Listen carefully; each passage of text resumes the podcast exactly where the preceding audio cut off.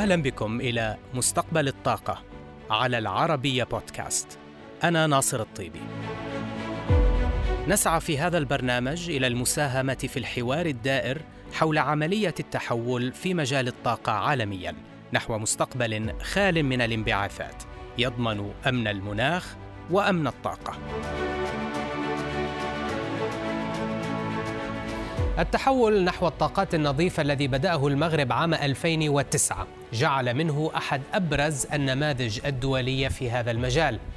تصل حصة الطاقات المتجددة في المغرب من إجمالي القدرات الإنتاجية الكهربائية المركبة إلى نحو 37% كما بنهاية عام 2020 لتسد هذه القدرات نحو 20% من إجمالي الطلب على الكهرباء.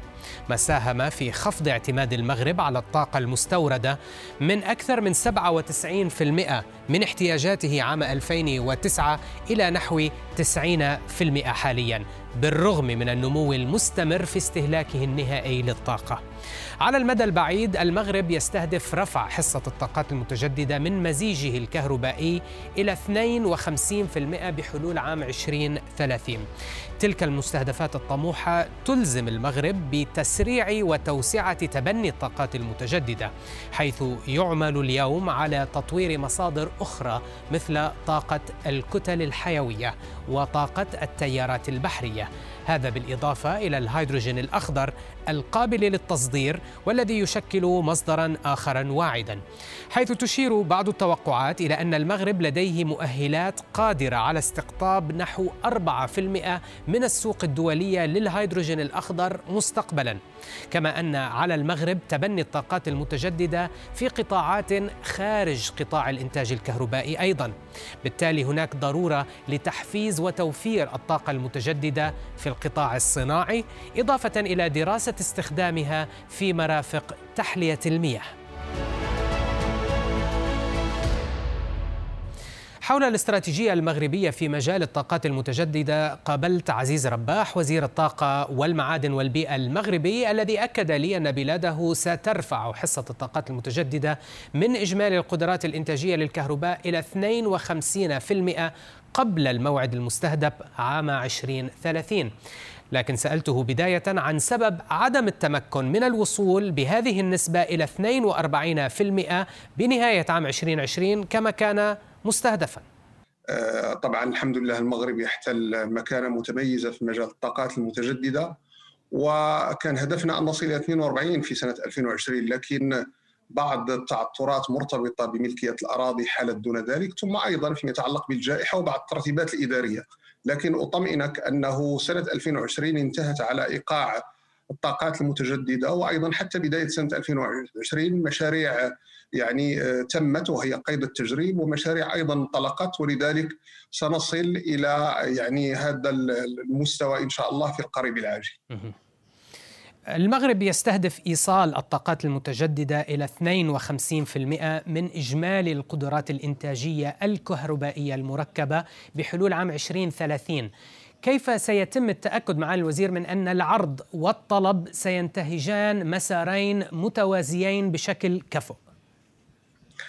طبعا عندما تضع استراتيجية يعني بعيدة المدى لا شك أنك تحتاج في كل مرة أن تقوم بعملية تقييم هذه الاستراتيجية وخاصة أن استراتيجية المغربية انطلقت منذ 2009 لما أطلقها صاحب الجلالة حفظه الله اليوم بعد تقريبا عقد من الزمن يعني خلصنا إلى دروس كثيرة يعني بإيجابياتها وسلبياتها ولكن على العموم النموذج المغربي نموذج متميز. ولذلك يمكن أن نطمئنك أن نسبة 52 سنصل لها قبل 2030 المخطط الذي هو في آخر مراحله المخطط الكهربائي 2021 2030 ثم أيضا مجالات أخرى الآن يعني آه، تتطلب استعمال الطاقات المتجددة يعني مثلا على سبيل المثال تحلية المياه الصناعة كلها تتحول الآن إلى الطاقات النظيفة والطاقات المتجددة. اليوم دخلنا مرحلة وسنتحدث عنها هو الهيدروجين والمغرب يحتل مكانة محترمة في الخريطة العالمية. فإذا عدد من المجالات الآن تتحول إلى الطاقات المتجددة وبالتالي يعني حسب البرمجة التي هي في آخر مراحلها كما قلت للعقد المقبل سنصل إلى هذه النسبة إن شاء الله قبل 2030 سيد رباح ارتفاع نسبة الطاقات المتجددة في الشبكة يعني بالضرورة تقوية عمليات المنظومة الكهربائية ودعم أيضا التخطيط في منظومة الطاقة ككل كيف تعملون على التأكد من أن الشبكة الكهربائية قادرة على استيعاب ودمج الزيادة الكبيرة المرتقبة في الطاقات المتجددة؟ طبعا عندما آه، نضع المخطط آه، الكهربائي نأخذ بعين الاعتبار أيضا في آه، الموضوع المنظومة الكهربائية أو الشبكة الكهربائية وهي جزء من المنظومة الكهربائية. فإذا لابد أن تؤخذ بعين الاعتبار لأنه هناك تغير في مناطق الطلب وتغير في مناطق العرض أو مناطق الإنتاج. هناك تحول على مستوى الشبكة التي يجب أن تكون قادرة على استيعاب الإنتاج كيفما كان هذا الإنتاج. كان إنتاج نظيف متجدد من الطاقات المتجددة وإنتاج أحفوري. فلا بد أن تأخذ بعين الاعتبار كما قلنا التطور على مستوى العرض وعلى مستوى الطلب. ثم أيضا تحولات التكنولوجيا التي تحصل الآن يعني لأنه لا بد من ذكاء أن يدمج الذكاء في الشبكة يعني السمارت جريد ان صح التعبير ثم أيضا تأمين هذه الشبكة هذه من أهم التحديات طبعا هو تأمين هذه الشبكة ولذلك كل ذلك يؤخذ بعين الاعتبار من أجل أن نطور الشبكة يعني الكهربائية. ويمكن أن أقول لك أنه سنويا تقريبا هناك استثمار يصل إلى كمعدل كمعدل كمعدل آه، السنوات الأخيرة وحتى هذا إن شاء الله سيكون في السنوات المقبلة كمعدل حوالي 800 مليون دولار. وقد يصل إلى مليار دولار سنويا لتطوير الشبكة الكهربائية من أجل أن تستوعب كما قلنا التحول في المنظومة الكهربائية الطلب والعرض وغيرها من التحولات ولكن أيضا لاستقبال الطاقات المتجددة التي هي معروفة بعدم استقرارها بين قوسين صحيح. وتحتاج إلى ذكاء في المنظومة وإلى استثمار مهم في المنظومة، أضف إلى ذلك أنه الحمد لله الأقاليم الجنوبية في الصحراء المغربية هناك استثمارات كبيرة ومهمة في مجال الطاقات المتجددة ولذلك سيكون مزيد من الاستثمارات في المنظومة في الشبكة الكهربائية لاستيعاب هذا الإنتاج الذي يجب أن يذهب إلى السوق الداخلي وربما إن شاء الله إلى السوق الدولي بإذن الله. أه، سنتحدث عن التوجه إلى الأسواق الدولية ولكن قبل ذلك مع الوزير ما هي خططكم لدعم وتحفيز تبني الطاقات المتجددة وتقنياتها خارج القطاع الكهربائي. يعني أنت ذكرت قبل, قبل قليل القطاع الصناعي وحتى تحلية المياه. طبعا شكرا. آه، عندما يتحدث عن الطاقات المتجددة غالبا يذهب ذهن الجميع إلى فقط إنتاج الكهرباء ولكن الحمد لله هناك الآن تنافس كبير بين القطاعات كلها القطاعات وبين الإدارات والمؤسسات والوزارات بل حتى ما يصطلح عليه بالجماعات الترابية بمعنى بالولايات في آه، استعمال الطاقات النظيفة واستعمال الطاقات المتجددة. ولذلك هناك عمل جبار لكي تستعمل هذه الطاقات المتجددة. طبعا في تحلية المياه وهي جزء من المخطط المائي في السنوات المقبلة. أنتم تعلمون أهمية الماء بالنسبة للدول وخاصة بالنسبة للمغرب. هناك مخطط كبير يصل إلى حوالي قد يصل إلى حوالي 13 مليار دولار. 13 مليار دولار من الاستثمارات في سبع سنوات المقبلة. يعني سبع سنوات المقبلة وجزء من هذه الاستثمارات ستكون فيما يتعلق بتحلية المياه. وبالتالي سنحتاج إلى كثير من الطاقات المتجددة. طبعا الصناعة المغربية هي صناعة مرتبطة بالسوق العالمي وبالتالي لضمان تنافسيتها وأيضا لضمان ولوجها إلى الأسواق التي فرضت ضريبة على آه، يعني على ما يسمى بالكربون تاكس. اذا لابد من تحول نحو الطاقات النظيفة. وهناك اتفاق أيضا مع وزير الصناعة على تعميم الطاقات المتجددة على المناطق الصناعية. ثم هناك آه، يعني تنافس في كثير من القطاعات بما فيها القطاعات الاجتماعية.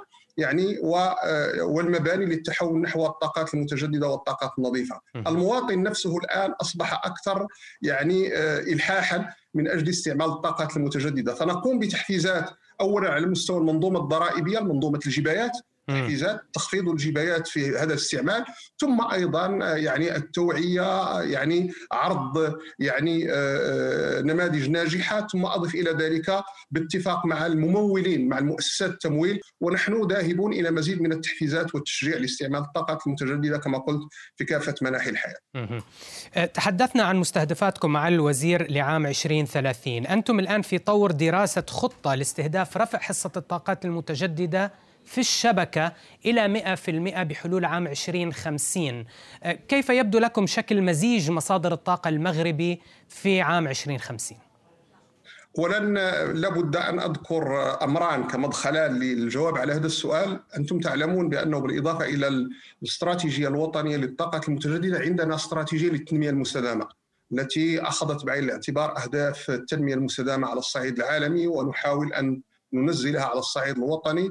وهي الآن تطبق في كافة القطاعات والآن مع الولايات على المستوى الترابي على مستوى المجال. يعني نحاول أيضا أن نطبقها والطاقات المتجددة يعني تلعب دور كبير جدا في هذا التوجه. أيضا نحن بصدد إعداد كما قلنا هذه الدراسة حول مستقبل الطاقة من الآن إلى 2050 ولكن دراسة أخرى حول ما يسمى بالاستراتيجيه التنموية المنخفضة الانبعاثات في 2050 واللي غادي نقدموها إن شاء الله قريبا في المؤتمر الدولي. ولذلك آه، نحن نعتقد بأن المزيج الطاقي يتحول مع اولا تحول التكنولوجيا وانخفاض كلفة هذه التكنولوجيا تحول إلى الطاقات النظيفة، دعني أقول الطاقات النظيفه لأنه لا يستبعد أن يتوارى الغاز إلى الخلف فسيفرض نفسه في المستقبل، ولكن الطاقات المتجددة التي هي معروفة الآن الشمسية الريحية المائية نضيف إليها الطاقات البحرية م. التي طالب صاحب جاه حفظه الله أن ناخذها بعين الاعتبار، نضيف اليها الهيدروجين وما أدراك ما الهيدروجين الذي الآن أصبح معطى أساسي نعم. ولذلك المزيج الطاقي المستقبلي سيكون مزيج نظيف والطاقات المتجددة ستلعب دور كبير جدا في هذا المجال لكن أمر آخر يمكن أن أشير إليه أن سيكون تنافس على صناعة الطاقات النظيفه نعم. ليس فقط استعمالاتها لكن صناعة الطاقات النظيفة سيكون هناك تنافس كبير جدا بين الدول وسنا ستظهر دول صاعدة بما قد تكون في دول افريقيا والمغرب يحضر نفسه ليكون له جزء من هذه الطاقات هذه الصناعة الطاقات المتجددة. نقطة مهمة جدا آه، آه، مع الوزير. آه، أريد أن أعود بك إلى مسألة أخرى أيضا مرتبطة. الطاقات المتجددة تشكل حاليا نحو 37% من القدرات المركبة كما ذكرنا. لكنها تمثل فقط 20% من الاستهلاك النهائي للكهرباء. الحلول التخزينية ستلعب دورا كبيرا في ردم لربما هذه الفجوة. سمعنا عن مشروع تخزين تجريبي في مجمع نور الشمسي. أطلعنا على جهودكم في هذا الإطار باستخدام لربما التخزين عن طريق الملح المذاب أو حتى البطاريات بهدف تخزين آه، الطاقة. طبعا في المنظومة الكهربائية الآن وخاصة آه، الجزء الآتي من الطاقات المتجددة المشروع وردازات نور الذي هو الآن الحمد لله من أهم المشاريع على الصعيد العالمي وبالنسبة على الصعيد الإفريقي والوطني. صحيح. نستعمل فيه التخزين بالطريقة الكلاسيكية التي أشرتم إليها الذي يستعمل الطريقة الكلاسيكية. لكن اليوم هناك تحول تكنولوجي وصناعي في العالم نحو إيجاد بدائل جديدة للتخزين.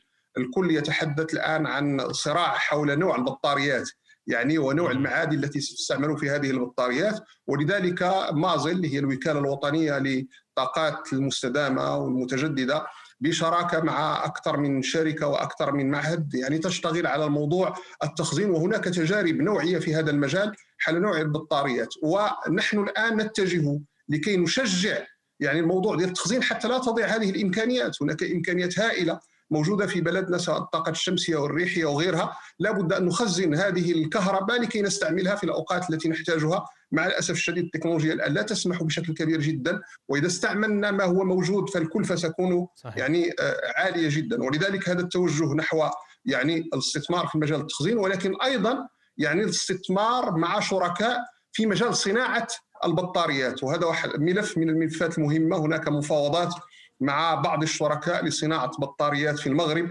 تتعلق بالتخزين تخزين الكهرباء م. وإن شاء الله فيما يتعلق بالبطاريات التي ستكون جاهزة للسيارات الكهربائية في المستقبل. معالي الوزير حول.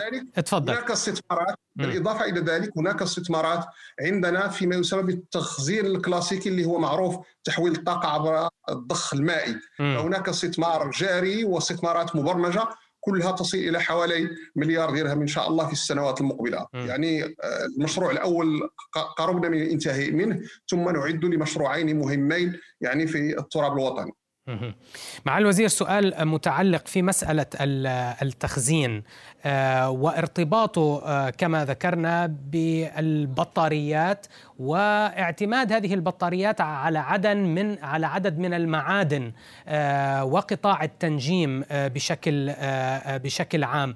أنتم بصدد أيضا إطلاق لمخطط للصناعة التعدينية قريبا في المملكة. حدثنا أكثر حول هذا المخطط ومدى ارتباط الصناعة التعدينية مع مستقبل صناعة الطاقات المتجددة التي أشرت إليها قبل قليل ليس فقط في إنتاج الكهرباء ولكن أيضا في إنتاج المنظومات والتقنيات للطاقات المتجددة. أنا أشكرك على هذا السؤال أعتقد هو سؤال يهم المنطقة العربية والمنطقة الإفريقية الغنية بالمعادن وبالثروات الطبيعية وحان الوقت لكي ننتقل من مستوى إلى مستوى ما يعني كيف ندبر هذه الثروات الطبيعية لكي تخلق القيمه المضافة الاقتصادية والاجتماعية في بلداننا. آه، اليوم أطلقنا آه، مخطط جديد عرضته يعني الأسس والمحاور في المجلس الحكومة وهو يتعلق أساسا بتشجيع الاستثمار في هذا المجال. سواء كان هذا الاستثمار دولي أو وطني أو كان كبير أو متوسط أو صغير وأيضا كيف يمكن أن نربط هذه الاستثمارات مع الاقتصاد الوطني والاقتصاد الدولي. ولذلك هناك محور أساسي سميناه المعادن الاستراتيجية. المعادن الاستراتيجية هي المعادن التي تحتاجها الصناعة الوطنية والصناعة التقليدية الوطنية. نحتاج إلى الذهب نحتاج إلى النحاس نحتاج إلى إلى غيرها نحتاج أيضا إلى عدد من المعادن في مجال الصناعات الوطنية. ونحن نجذب استثمارات مهمة في مجال الصناعات الحمد لله المغرب أصبح قبلة نظرا لمناخ الأعمال الذي يتغير باستمرار وانتقلنا في منظومة دوين بزنس الآن قد نصل إلى الرتبه نحن الرتبه 53 واملنا أن نكون في يعني رتب أخرى متقدمة كل سنة نكسب نقط. فإذا قلنا هذه الصناعة تأتي إلى المغرب وتحتاج أيضا إلى معادن وتحتاج إلى مكونات ومعدات لكن أيضا مجال الطاقة الآن فيه تنافس كبير بين الدول وبين الشركات على المعادن التي ستحتاجها الطاقة في المستقبل وخاصة البطاريات والكابلات والمعدات. الذكية ولذلك نحن نعتبر بأن المغرب يمكن أن يكون قبله لهذه الاستثمارات الطاقية التي ستحتاج هذه المعادن التي نرى بأنها آه، جزء منها موجود في بلادنا. وهذا يخلينا بطبيعة الحال يعني أن نتفاوض مع شركاء استراتيجيين كدول وكمؤسسات وكشركات لكي تكون هذه الاستثمارات طبعا بتنسيق مع الوزارات المعنية وخاصه آه، وزارة المالية ووزارة الصناعة. سيد رباح دعني أنتقل معك لمحور آخر وهو محور الطلب، نسبة الطاقات المتجددة في القطاع الكهربائي آخذة بالارتفاع، ولكن حصة الطاقة المتجددة في استهلاككم النهائي للطاقة يتراجع في السنوات الأخيرة، ما هي سياساتكم لإدارة الطلب والحد من نموه؟ وهل تلعب كفاءة الطاقة دور أيضا آه، في آه، آه، سياسات إدارة الطلب لديكم؟ شكرا على هذا على هذه على هذا التمييز بين الأمرين. عندما نتحدث كما قلت على الطاقات المتجددة في المنظومة الكهربائية لكن الطاقة تستعمل في مجالات متعددة. نحن يعني كلفة الطاقة بالنسبة إلينا تصل إلى حوالي 800 مليار دولار سنويا.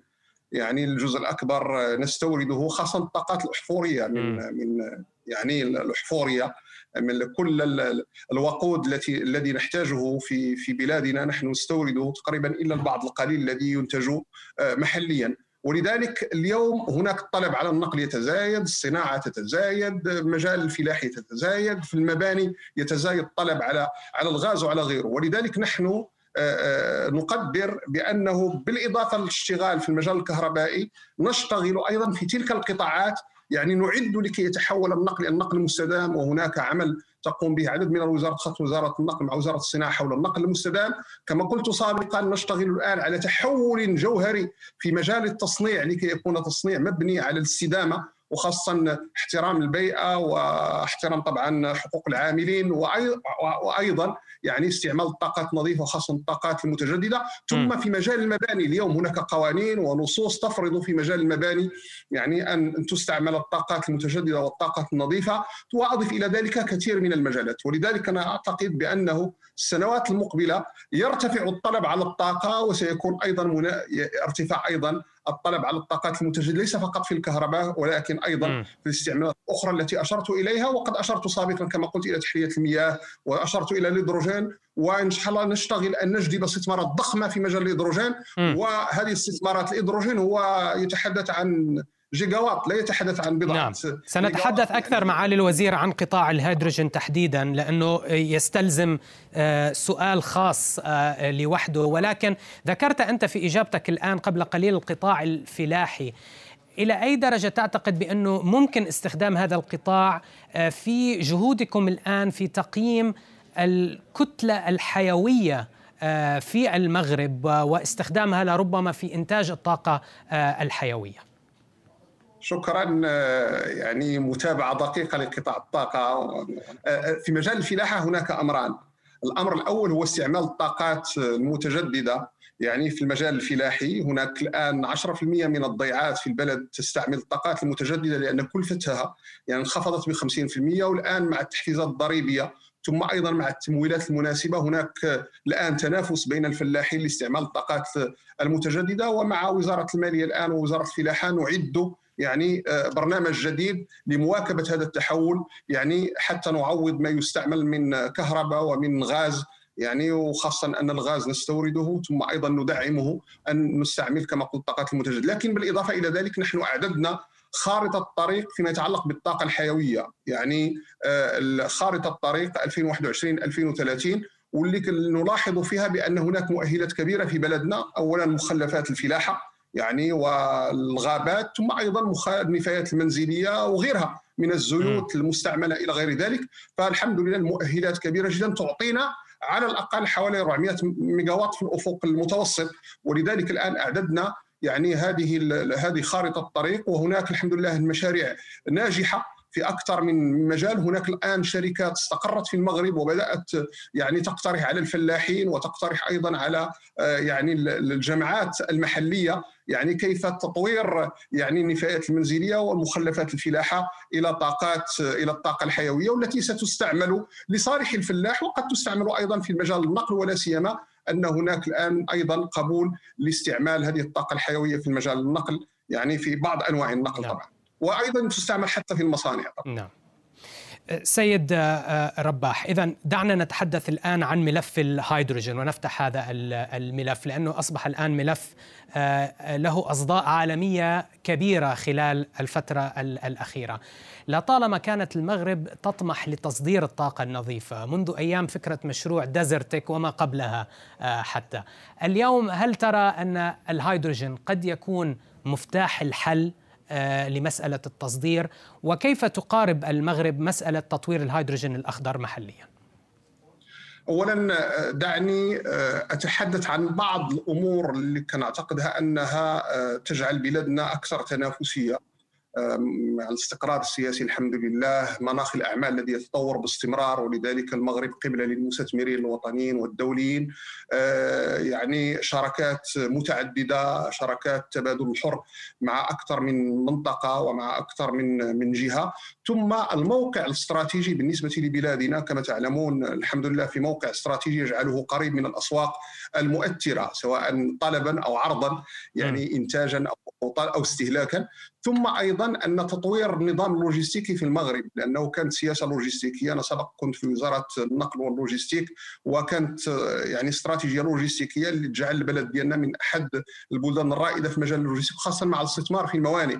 وتحولنا الآن إلى ضمن العشرين دولة الأولى في مجال الربط الكهربائي والميناء طنجه المتوسط تحول إلى أهم ميناء الآن على مستوى البحر المتوسط. وهناك استثمارات ضخمة في الموانئ وأيضا في المناطق اللوجستيكية ليجعل سلاسه في العلاقات التجارية بين المغرب وبين الأسواق كما قلت المؤثرة طلبا وعرضا أو عرضا فلذلك نحن نعتقد بانه الهيدروجين حسب الدراسات الدولية المؤكدة أن المغرب ضمن هذا الرادار على الأقل عنده مؤهلات تصل إلى حاليا حاليا على المدى المنظور 4% وعنده مؤهلات يعني على مستوى الطاقات المتجددة التي تستعمل في الهيدروجين زائد هذا اللوجستيك ولذلك وضعنا خارطة الطريق 2021 2030 في مجال الهيدروجين م. يعني فيها البحث العلمي فيها تشجيع الاستثمار فيها تحديد المناطق التي تستقبل يعني آه هذه الاستثمارات ثم فيها النظر إلى السوق الداخلي والنظر أيضا إلى السوق الدولي وبدأنا الآن هناك مفاوضات مع أكثر من جهة ومع أكثر من دولة ومع أكثر من مؤسسة أعلنوا عن استعدادهم للاستثمار في نعم. المغرب في المجال الهيدروجين وأعتقد سأعتقد بالهيدروجين وبالموقع الاستراتيجي وبالبنية التحتية المغرب قد يلعب دورا كبيرا جدا في السياسة الطاقه العالمية في المستقبل إن شاء الله. سؤال أخير آه، آه، سيد رباح، هل في حال تبني تطوير الهيدروجين الأخضر قد يتخلى المغرب عن الحاجة لخطوط الربط الكهربائي الجديدة إلى أوروبا؟ لا لا أعتقد لأنه الهيدروجين بطبيعه الحال نهدف به السوق الوطني. يعني آه، سواء تعلق الأمر بالأمونياك أو تعلق الأمر بالميثانول أو تعلق الأمر بالتصدير إلى الأسواق الخارجية. ولكن آه، هذا لا يتنافى من أن نزداد أكثر ارتباطا مع الأسواق المحيطة، نحن نريد أن نكون أكثر ارتباطا مع إفريقيا جنوب الصحراء آه، بدءا بإخواننا في موريتانيا أن تكون بيننا وبينهم كما بيننا وبين إخواننا في الجزائر ربط كهربائي. و أعتقد الدول العربية تحتاج إلى هذا الربط الكهربائي ثم الدول الإفريقية تحتاج إلى هذا الربط الكهربائي لكي تصبح الكهرباء عبارة عن بورصة عن بورصة. هذا شيء مهم. مثل مثل الاتصالات عن بورصة تستعمل ويكون هناك تأمين لتزويد الأسواق يعني بهذه الكهرباء التي قد تكون إما فائض أو أقل كلفة أو أكثر نظافة فأعتقد نحتاج إليه. الآن مع أوروبا المغرب شريك استراتيجي عندما نراجع الجرين ديل مع الاتحاد الأوروبي. يعني الآن تبناه الاتحاد الأوروبي. المغرب معني أنه واحد من الشركاء الاستراتيجي الاتحاد الأوروبي. نريد آه، آه، يعني خط ثالث مع إسبانيا نتفاوض مع خط أول مع البرتغال ووقعنا اتفاقية مع آه، بضع بعض الدول الاوروبيه ألمانيا فرنسا البرتغال إسبانيا حتى نكون ما يسمى بالسوق المفتوح للكهرباء. السوق المفتوح للكهرباء. ولذلك نعتقد بأنه مزيد من الربط هذا فيه فائده لتأمين يعني الطاقة بالنسبة لبلادنا والبلدان الأخرى ولكن فيه فائدة أيضا تجارية واقتصادية ثم أيضا فيها فائدة استراتيجية كما تعلمون الطاقة ليس فقط منتوج ولكن لها دور استراتيجي ودور سياسي ودور أمني بالنسبة نعم. للدول وللمناطق وللعالم.